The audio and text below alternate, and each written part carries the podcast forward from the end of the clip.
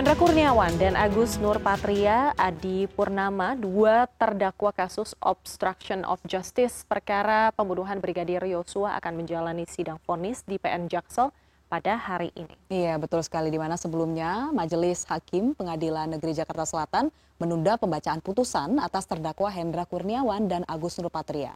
Hakim menyatakan belum siap dengan putusan untuk dua terdakwa kasus obstruction of justice perkara pembunuhan berencana Brigadir Yosua tersebut. Ya, kita akan meminta pandangan pakar hukum pidana Universitas Tarumanegara, Mas Heri Firmansyah melalui sambungan daring terkait prediksi vonis terdakwa Hendra Kurniawan dan Agus Nurpatria di PN Jaksel. Selamat pagi Mas Heri. Ini uh, kira-kira menakar vonis terdakwa dari Hendra Kurniawan dan Agus Nurpatria hari ini, apakah majelis hakim ini bakal mempertimbangkan hal-hal yang memberatkan dan juga meringankan untuk kedua terdakwa?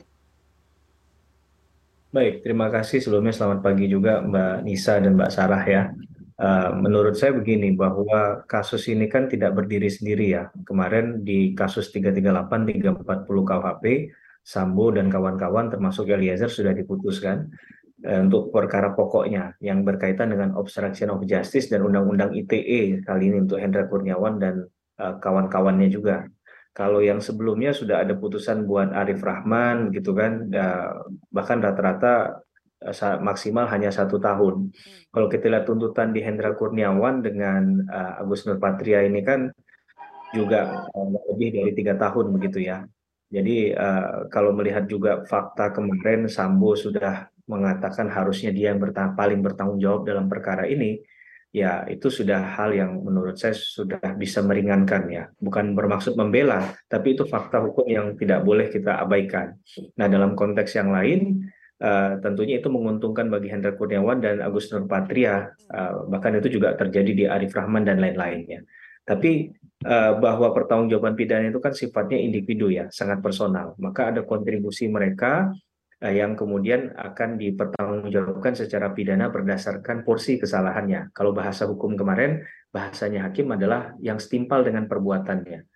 Nah, kalau kita lihat di kasusnya Arif Rahman, karena ini bagian dari informasi berjenjang yang disampaikan dari Sambo ke Hendra Kurniawan, ke Agus Nurpatria, dan seterusnya ke bawah sampai ke Cuk Putranto, Baikuni Wibowo, Arif Rahman, dan Arif ya, ya, dan Irfan ya, yang kemarin juga sudah diputus ya.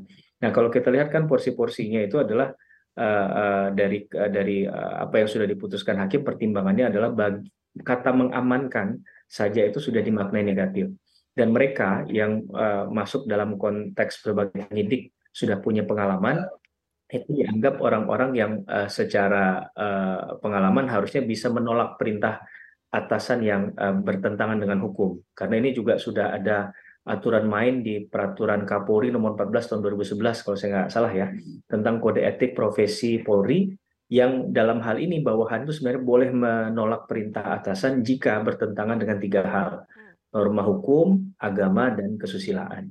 Nah ini tentu hal-hal yang memperberat juga bagian dari porsi ketika kita bicara di Undang-Undang ITE pasal 33 dan 32. Nah kalau di Sambo kan diputus di 33 ya, dan ini juga dakwaannya di 33 dan 32. Ini kan bicara tentang gangguan data atau gangguan uh, sistem informasi. Nah, tinggal kita lihat apakah hakim dalam pertimbangannya menilai bahwa perbuatan dari para tersangka ini, terdakwa ini, mohon maaf, itu sudah masuk kategori di undang-undang ITE-nya atau tidak. Karena bicara tentang barang bukti yang disoal itu kan masalah di VR kan, ya. kemudian mengamankan barang bukti dan lain sebagainya, itu yang kemudian nanti akan jadi perhatian kita di pertimbangan hakim dalam konteks rasio disiden di hakim.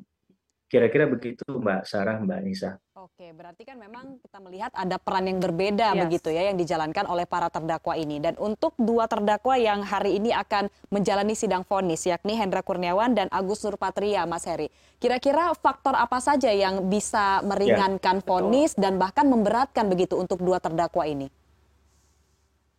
Ya, tadi sudah saya singgung sedikit untuk hal yang memberatkan dulu ya, bahwa dia, dia sebagai penyidik dianggap harusnya tahu uh, mana yang harusnya dilakukan sesuai standar operasional prosedur, mana yang masuk tugas lingkup pekerjaannya dia, mana bagian yang dia harus menolak secara tegas, bicara tentang uh, apa uh, hal yang bertentangan dengan hukum dan lain sebagainya. Walaupun kita bicara kultur internal di kepolisian mungkin sejauh ini belum mendukung 100% ke arah sana ya. Atasan bisa punya kuasa yang begitu luar biasa ke bawahan dan bawahan tidak kuasa menolak.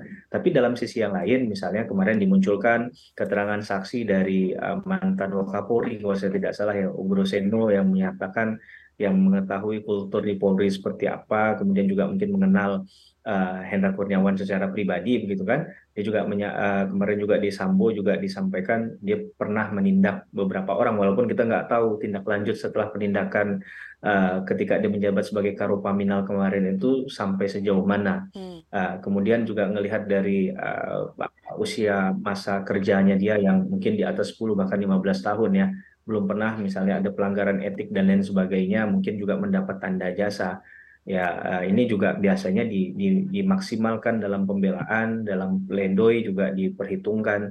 Ya, tinggal bagaimana hakim ya memberikan keyakinannya untuk mempertimbangkan hal-hal tersebut atau tidak. Karena di kasus Sambo itu sama sekali kan tidak ada hal yang meringankan, sehingga akhirnya putusannya menjadi maksimal kan. Uh, putusan uh, pidana mati bukan pidana seumur hidup seperti tuntutan jaksa. Nah, mudah-mudahan hakim arif dan bijaksana menilai sesuai porsinya karena ya uh, banyak yang disampaikan di kasus obstruction of justice ini mereka ya ibaratnya menjalankan perintah atasan saja. Misalnya di kasus uh, Arif Rahman kalau tidak salah kan, itu kan disampaikan ketika dia melihat uh, CCTV yang uh, di laptopnya Baik Uni, dia baru tahu bahwa ternyata uh, almarhum Brigadir Joshua masih hidup saat itu. Kemudian dia berusaha mengontak uh, HK yang memberi perintah ke dia sebelumnya, itu kemudian juga dikonfirmasi ke Sambo, Sambo katakan bahwa apakah uh, ini siapa aja yang melihat? Ternyata ada lebih dari satu orang kan. Nah, Sambo katakan kalau sampai terjadi apa-apa keluar informasi ini atau bocor berarti yang bertanggung jawab kalian. Nah ini kan membuktikan bahwa di antara mereka uh, khususnya Arif Rahman itu tidak tahu menanggung terkait peristiwa ini. Nah saya nggak tahu penilaian hakim terhadap Agus Nurpatria dan juga Hendra Kurniawan apakah sama ketika dia diberikan perintah apa substansi perintah yang dipertimbangkan oleh hakim dalam konteks fakta material ya karena kan hakim ketika memberikan pertimbangan tuh pasti melihat fakta material dan juga uh, peraturan perundangan yang digunakan. Selain itu pasti nanti ada analisis sosiologis, yuridis, dan juga filosofis yang itu akan bertaut pada tiga hal yaitu keadilan, kepastian hukum, dan kemanfaatan. Kira-kira begitu Mbak.